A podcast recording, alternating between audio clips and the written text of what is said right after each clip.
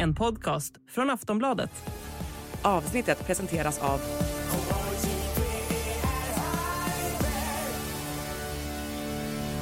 Stödlinjen.se, åldersgräns 18 år.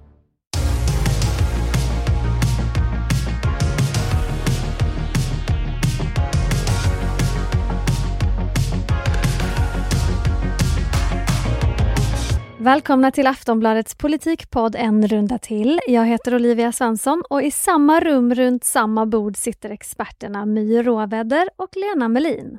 Hej. Jajamensan. Vi ska påskpyssla med regeringen idag. Äntligen. Eh, men först så vill jag ta upp en grej för att jag vet att det är många politiker som lyssnar på vår podd. Och då är frågan varför de inte gör som vi säger. Alltså för några veckor sedan så talade vi om när kända politiker, i det här fallet partiledare, praoar och gör praktik på vanliga arbetsplatser. Och då sa ju vi i kontentan lite grann att det känns både poserande och provocerande. Men tyvärr så verkar den här företeelsen ha ökat sedan vårt avsnitt. Oj. Ja, det har i alla fall fortsatt, alltså med väldigt stadig fart. Eh, färska exempel är Johan Persson som åker sopbil. Tjena, Johan Persson här. Eh, befinner mig i Göteborg. Har varit ute och kört lite renhållningsbil, så kallad sopbil. Och eh, Magdalena Andersson som slevar upp köttbullar på Ikea som om det inte fanns någon morgondag. Men vad släpper inte hon upp mat på ett annat ställe förut? Eh, Jo, eh, semlor. Ja, Hon slevade semlor. kanske måste bredda sig. Ja, men varför gör de inte som vi säger? Jag vet inte. Ja, men jag tycker det är skönt att de inte gör som vi säger ändå. Att människor gör vad de själva vill och är beredda att bli retade för det. Det är står på er. Och sen så tänker jag att jag, då, när de ändå då tänker fortsätta så kanske man kan skicka ut någonting som man skulle vilja se att de praktiserar. Jag tänker att de, eh, det hade varit mysigt om de hade varit en dag på förskolan och sånt. Vet, så här, de får sitta och gulla med barnen en hel dag. Det hade ju varit kul att se. Jag tänker att det skulle vara nyttigt också att prata med de här människorna som lägger sina yrkesliv på att ta hand om andras barn, hur de har det. Mm. En liten disclaimer, transparens här är att min syster jobbar i förskolan och det verkar ju vara, det är en otrolig samhällsinsats och det blir gulliga bilder också så det är mitt tips. Och om de ändå är i sandlådan så kan de lika väl fortsätta vara i sandlådan kanske man kan Exakt. säga också. Med ett Mm. snorigt barn. Det är ju påsk snart, årets kanske trevligaste högtid. Och jag har tänkt att ni ska få agera både påskgummor och blågula häxor. Eh, Och dela ut lite påskris och lite påskägg till vår sittande regering. Eh, Och då får man ju säga att ris är ris och ett påskägg är ros. Bra att du förklarar. Ja, men jag tänker för säkerhets skull, för påskris kan ju vara vackert liksom, så att, vi, så att alla är med på det. Eh, då drar vi på oss chaletterna och bestiger kvastarna hörni. Eh, och vi börjar i vårt grannland Finland, där den karismatiska och historiskt unga statsministern Sanna Marin trots framgång för sitt parti Socialdemokraterna fick se sig slagen av Petteri Orpo och hans samlingsparti i söndagens val. Tiedättekö mitä? Tuli iso voitto! Ja, här sa han, vet ni vad, det blev en stor seger och anhängarna jublade på valvakan, så nu blir det alltså regeringsskifte. För det första kommer ni sakna Sanna, Marin? Inte jättemycket måste jag säga. Alltså, I mitt huvud har de faktiskt mest fäst sig så som varandes innehavare av skinnpaj och gillar dans, eh, vild dans i, i, i slutna rum. Skinnpajen har ju gjort avtryck. Mm. Hon har en bra stylist, visade sig. Nej, jag är väldigt onostalgisk när det kommer till politiker, så nej. Nu blir det i alla fall då borgerlig maj- majoritet även i Finland.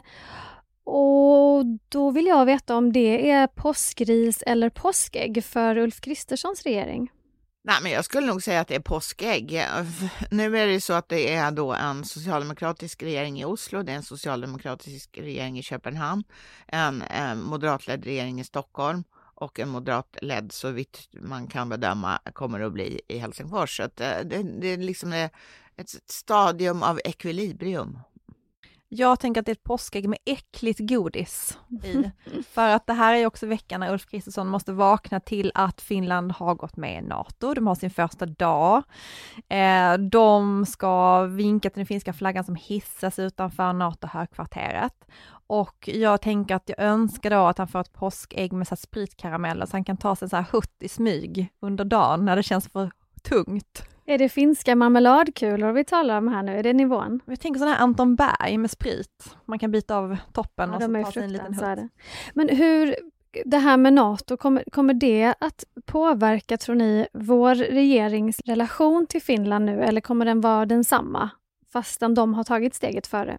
Nej, men det, är, det är klart det kommer att påverka och det är klart det kommer att påverka negativt. För Finland kan ju inte alls vara lika intresserade av Sverige i det här läget, alltså det, eh, som de har varit förut när man har hyllat det här skuldra vid skuldra och sida vid sida. Och, Ja, vi skulle ju gå takt. in Ja. tillsammans. Ja, och eh, också har haft det här, eh, väl, alltså det mest avancerade eh, försvarssamarbetet har, med något annat land har ju Sverige varit Finlands eh, eh, partner på det området och tvärtom för, för oss. Det kommer ju inte kunna vidmakthållas så länge vi inte båda är medlemmar i NATO. Jag har sett att den här Orpo, precis som Ulf Kristersson, gillar att posera med en hund på sociala medier. Mm. Vet, Kanske de kan finna varandra där. ja, jag tänkte säga det. Kommer de att bli såta vänner med? Jag tänker att de redan är det på ett sätt i och med att de är från samma eh, parti, eller vad man ska säga. Eh, och jag vill också skriva in till protokollet att jag tycker det är mardrömslikt att behöva titta på bilder av alla människor egentligen, men också politiker som blir slickade i ansiktet av sina hundar. Mm, det måste de också sluta med. Ja, de Men det kommer de inte det. heller Men jag kommer med. inte ropa så högt att det når ända till Finland. Jag får väl säga det till den svenska publiken. PM Nilsson blev ju kortvarig som statssekreterare hos Ulf Kristersson eftersom han inte kunde hålla fiskespöet borta från blekingska ålar. Men nu har Ulf Kristersson hittat sin ersättare i Anna Dahlberg. Kan du berätta Lena vem Anna Dahlberg är? Ja, hon har varit chef för eh, Expressens ledarredaktion i ja, ungefär 15 år och jag, om jag inte minns fel så efterträdde hon faktiskt PM Nilsson på det jobbet. Han har i alla händelser haft samma jobb vid tidigare tillfälle. Mm. Är det här ett steg upp i karriären för henne? Skulle du se det så? Alltså för mig kan man ju aldrig få ett finare jobb än att jobba på en tidning. Men eh, om, frånsett det så, det här är ju ett väldigt högt jobb i statsapparaten. Att vara, han, hon kommer ju inte att vara den som heter statsminister statssekreterare. Det, är- det, det kommer vara en person som är överordnad henne. Hon kommer inte heller ha hand om utrikesfrågor för det har en annan statssekreterare, utan hon kommer att syssla med tidstänkande. Och det, eh, det kan man ju säga att det brukar ju ganska, väga ganska lätt eftersom det hela tiden man ska hantera his, eh, akuta kriser på det, där jobb, på det där stället, alltså statsrådsberedningen där både hon och Ulf Kristersson jobbar. Ja, jag är så nyfiken på den här titeln då, för på den här beskrivningen, arbetsbeskrivningen. Hon sa ju själv, ungefär precis som du formulerade nu, att hon ska vara rådgivare åt statsministern med särskilt ansvar för det långsiktiga tänkandet. Alltså det är inte riktigt ren svenska, My. Vad ska hon, vad ska hon tänka på?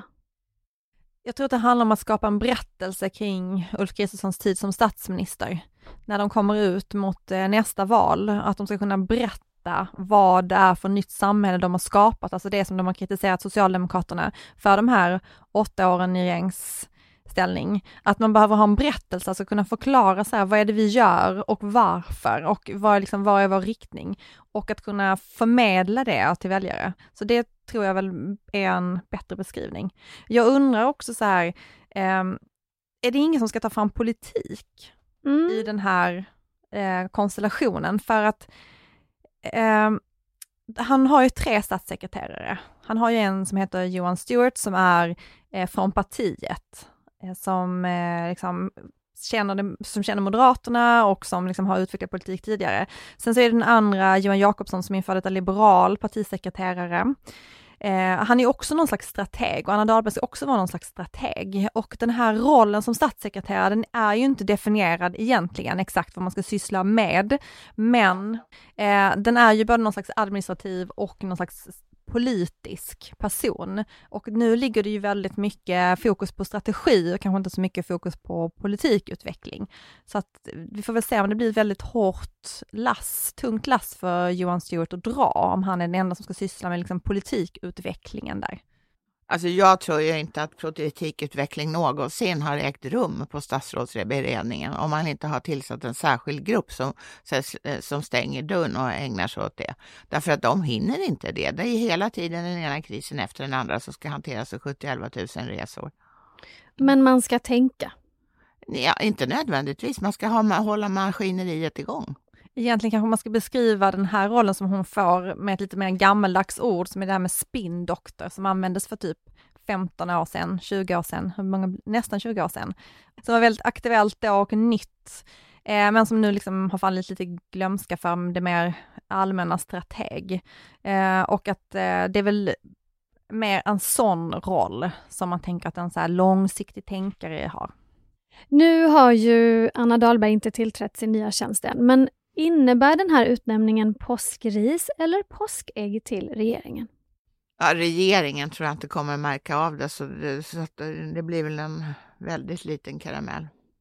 Jag tänker att påskägget är kanske hennes påskägg då. Mm. Hon får ett påskägg med sig in på kontoret. Mm. En hög lön, mycket inflytande. Kul! Ett avgörande avtal på arbetsmarknaden har gått i lås. Bara timmar innan tidsfristen gick ut i fredags så meddelade de inblandade facken att de sa ja till arbetsgivarnas slutbud. Det handlar om avtal som påverkar 2,2 miljoner löntagare och även inom handeln har man kommit överens om nya avtal. Vad blev resultaten av de här förhandlingarna, Lena? Alltså det som är jätteviktigt i Sverige, att det är sedan eh, slutet på 1990-talet när eh, reallönerna hade urholkats under många, många år, så bestämde sig eh, hela arbetsmarknaden, får man väl ändå säga, att det måste bli slut på det där. Att, man, att, peng, alltså, att löntagarna måste få riktiga pengar i plånboken och inte bara luftpengar. Och då bestämmer man sig för att industrin som är konkurrensutsatt, alltså jobbar på en internationell marknad, den skulle vara löneledande. Och där, sen dess så har, det, eh, har de parterna på, på industrins område, alltså IF Metall, Unionen, Teknikföretagen, de har fattat ett övergripande avtal som Eh, och det resultatet kallas för märket. Det var eh, det märket som då sattes i fredags eh, innan utsatt tid på några sekunder när, höll jag på att mm. säga. Det landade på 7,4 procent på två år. Och det är, kan man ju tycka, vilket en del tycker, Transport till exempel, tycker att det är alldeles för lite. Men Tanken är att alla fack ska hålla sig inom den här ramen, därför att då kommer vi inte att prissätta oss ur internationell konkurrens, det vill säga höja lönen kommer inte att pressa upp de svenska exportpriserna och därmed se till att våra varor blir, blir osäljbara på den internationella marknaden. Det är hela tanken bakom det hela.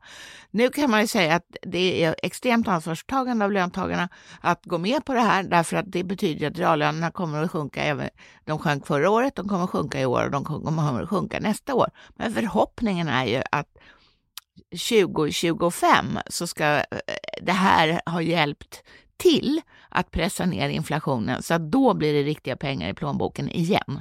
Du talar som en riktig ekonomiprofessor, Lena. Jag är det. Ja, jag är otroligt imponerad. Mm. Hedersdoktor. Mm. Säger avtalen något om vilken ekonomisk situation vi befinner oss i i Sverige, är jag nyfiken på.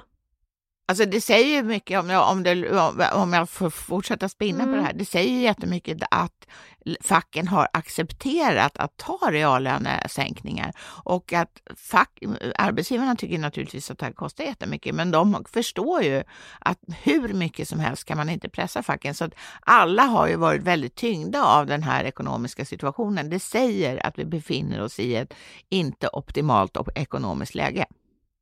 Uttalar sig politiker om den här typen av eh, avtal?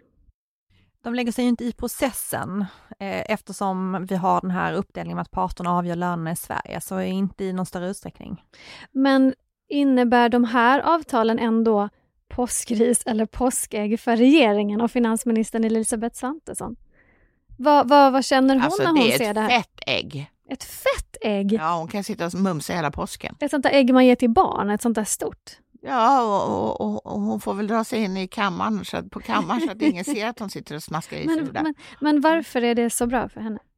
Ja, det här innebär ju att Sverige inte prisar sig ur marknaden genom att eh, ha lö högre löneökningar än vad vår samhällsekonomi klarar av.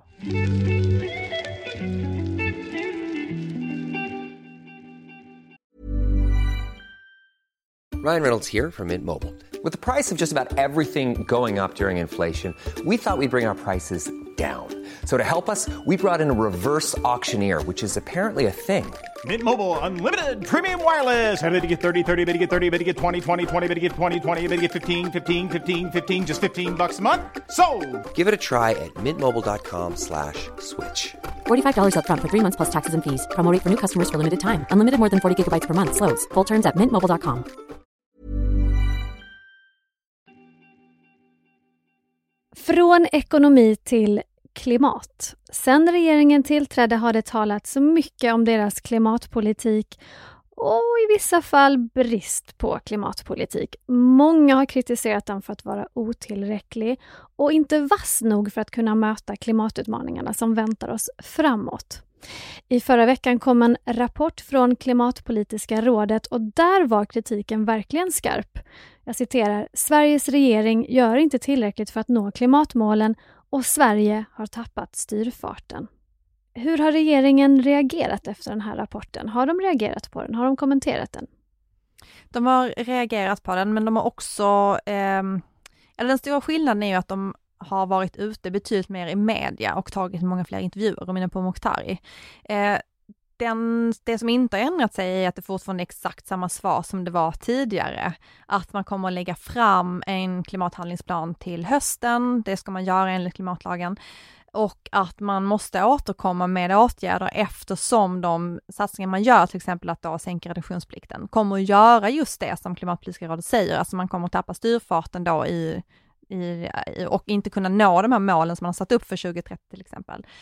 Eh, men hur det ska vara, det har vi ju fortfarande nu efter ett halvår inte fått några svar på alls. Och det är ju lite så, jag, jag läste faktiskt Johan Kroneman i DN i morse som hade en rolig artikel som handlade om varför intervjua politiska journalister, politiker, när vi vet om att de inte tänker svara på någonting. Och det är väl kanske att hoppet är det sista som lämnar människan. Och att någonstans så är det också att förtydliga att det inte finns ett svar, att ställa de där frågorna fast man vet om att de inte svarar på dem. Det är ju fler än Klimatpolitiska rådet som vill klaga på regeringen i den här frågan och i måndag så höll S-ledaren Magdalena Andersson och C-ledaren, nu får vi hålla isär S och, S och C, Muharrem Demirok en gemensam pressträff. De kritiserade Tidöpartiernas klimatpolitik och nu kräver de att regeringen ska redovisa sin klimathandlingsplan per omgående. På ett eh, halvår så har Sveriges klimatpolitik gått från någonting som andra länder har tagit efter till att, eh, och någonting som vi svenskar har varit stolta över till en politik där klimatambitionerna helt har avskaffats.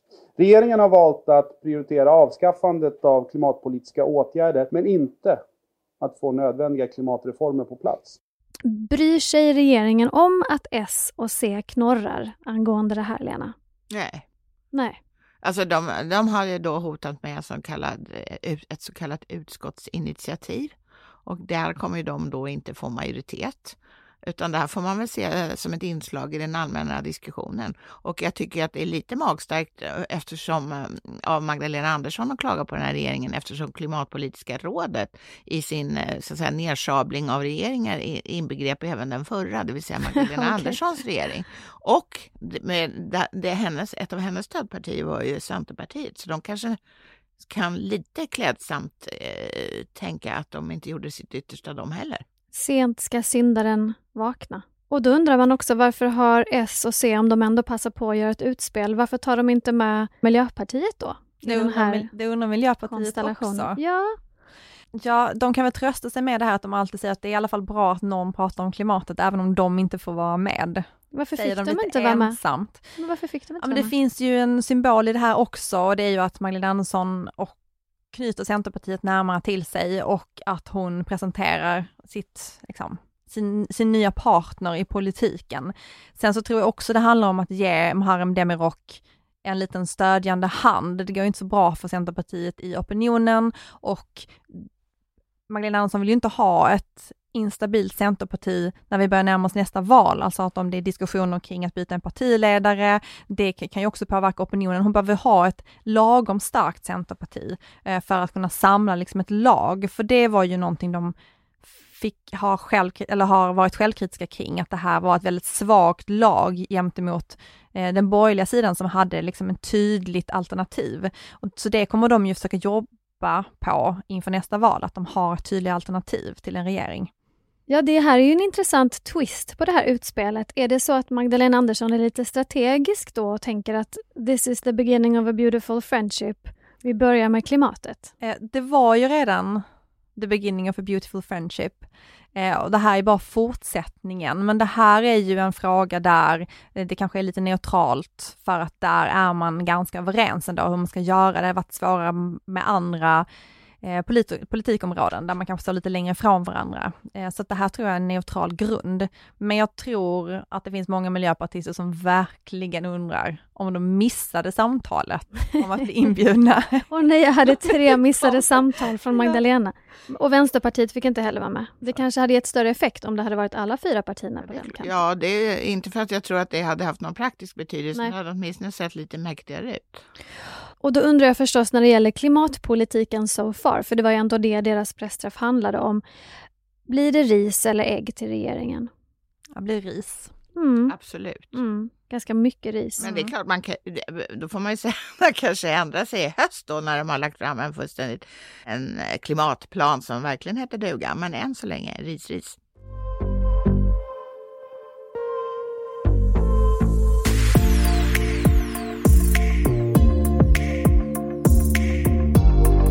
Vi har ju sedan den här podden startade talat väldigt mycket om bristen på unga heta sossar, arvtagare till tronen, sådana som kan avgöra ett val i framtiden, kanske fräscha upp socialdemokratin.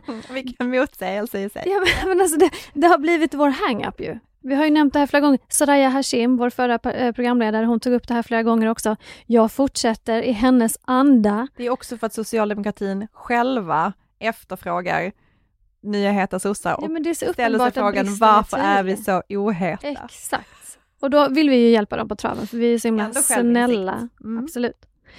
Um, och det har varit lite stiltje. Vi har inte fått in så mycket svar. Det har varit lite trist tycker jag. Uh, men nu har det rasslat till. Ja.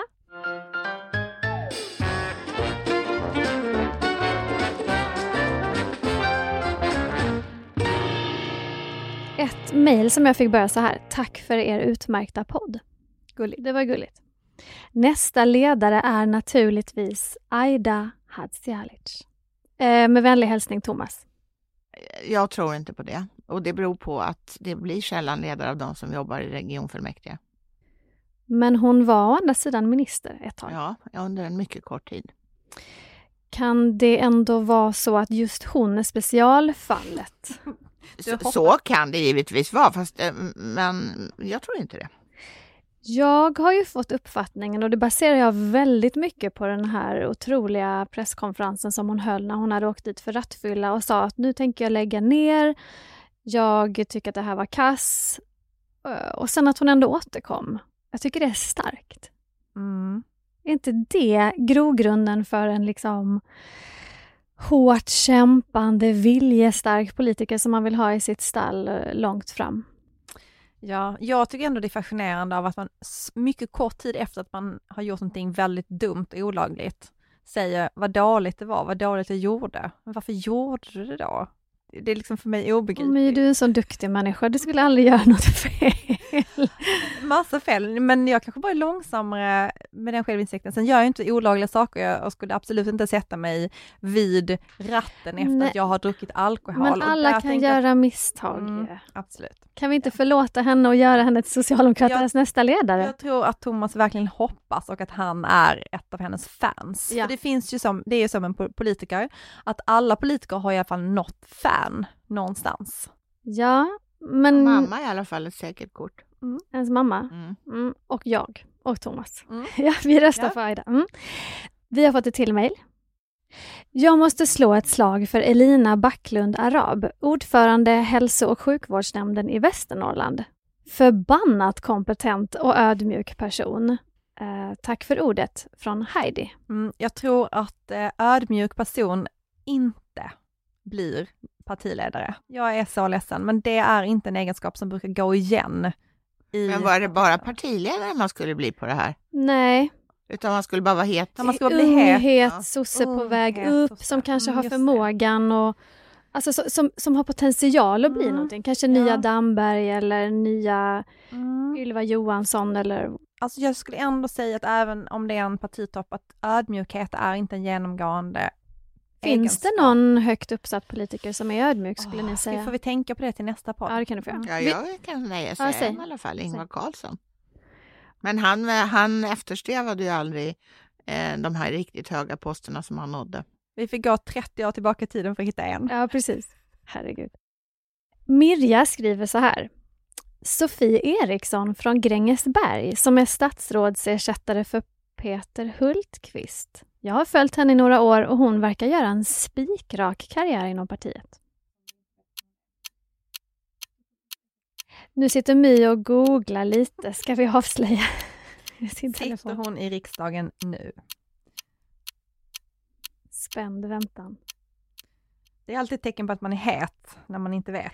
Ja, Jag skulle säga att det talar inte för Sofie, men Jo, men hon verkar ha kommit in även den här mandatperioden.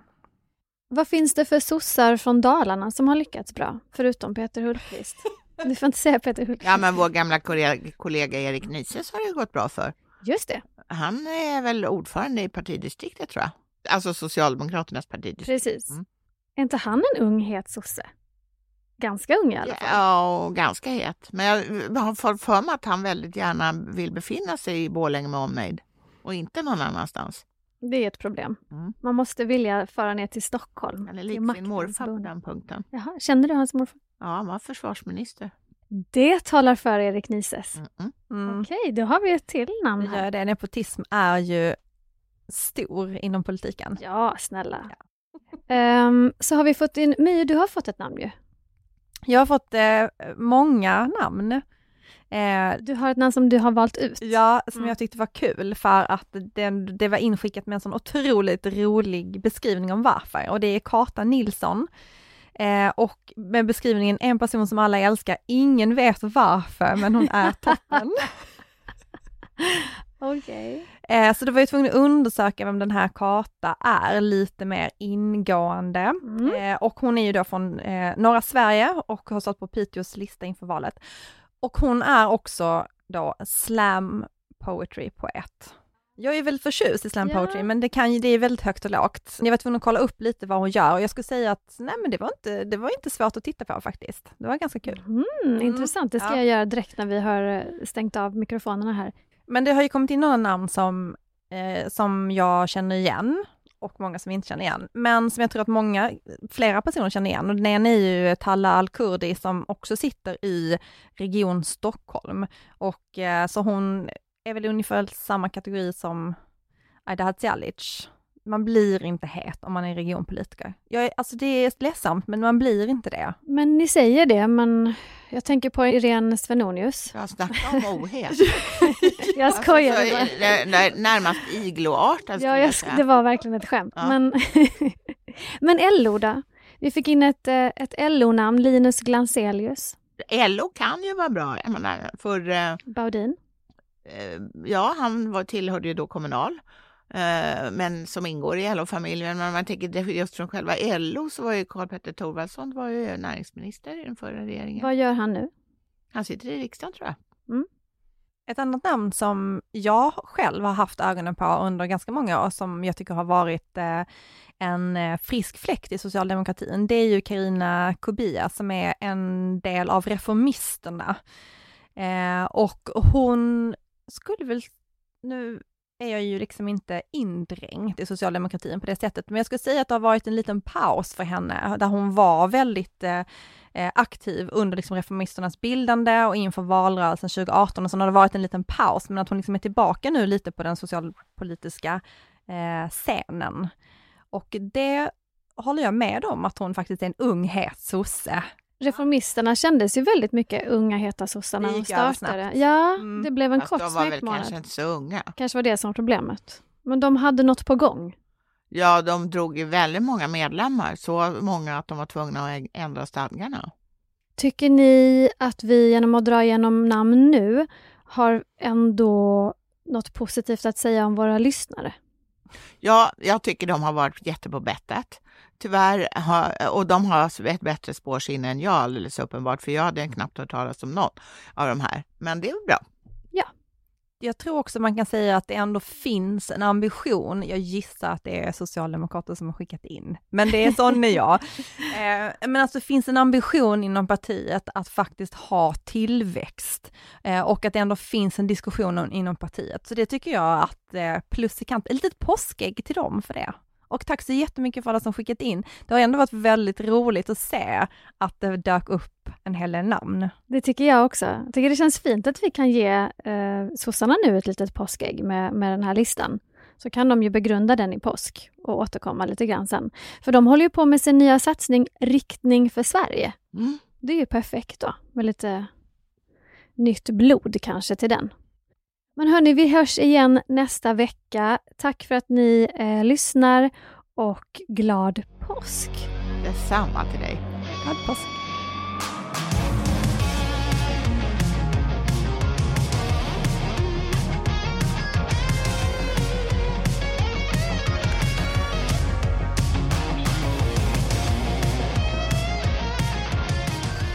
Du har lyssnat på en podcast från Aftonbladet. Ansvarig utgivare är Lena K Samuelsson.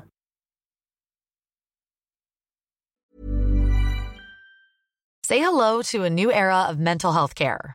Cerebral is here to help you achieve your mental wellness goals with professional therapy and medication management support. 100% online.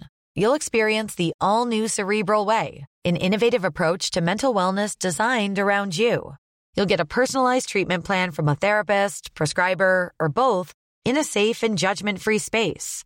Your cerebral therapist or prescriber will outline a customized plan with clear milestones along the way so you can get to feeling your best. With Cerebral, you're not alone in your mental health journey. We're here to empower you to live a fulfilling life. So take that first step towards a brighter future and sign up today at cerebral.com slash podcast and use code ACasts to get 15% off your first month. Offer only valid on monthly plans. Other exclusions may apply. Offer ends July 31st, 2024. See site for details.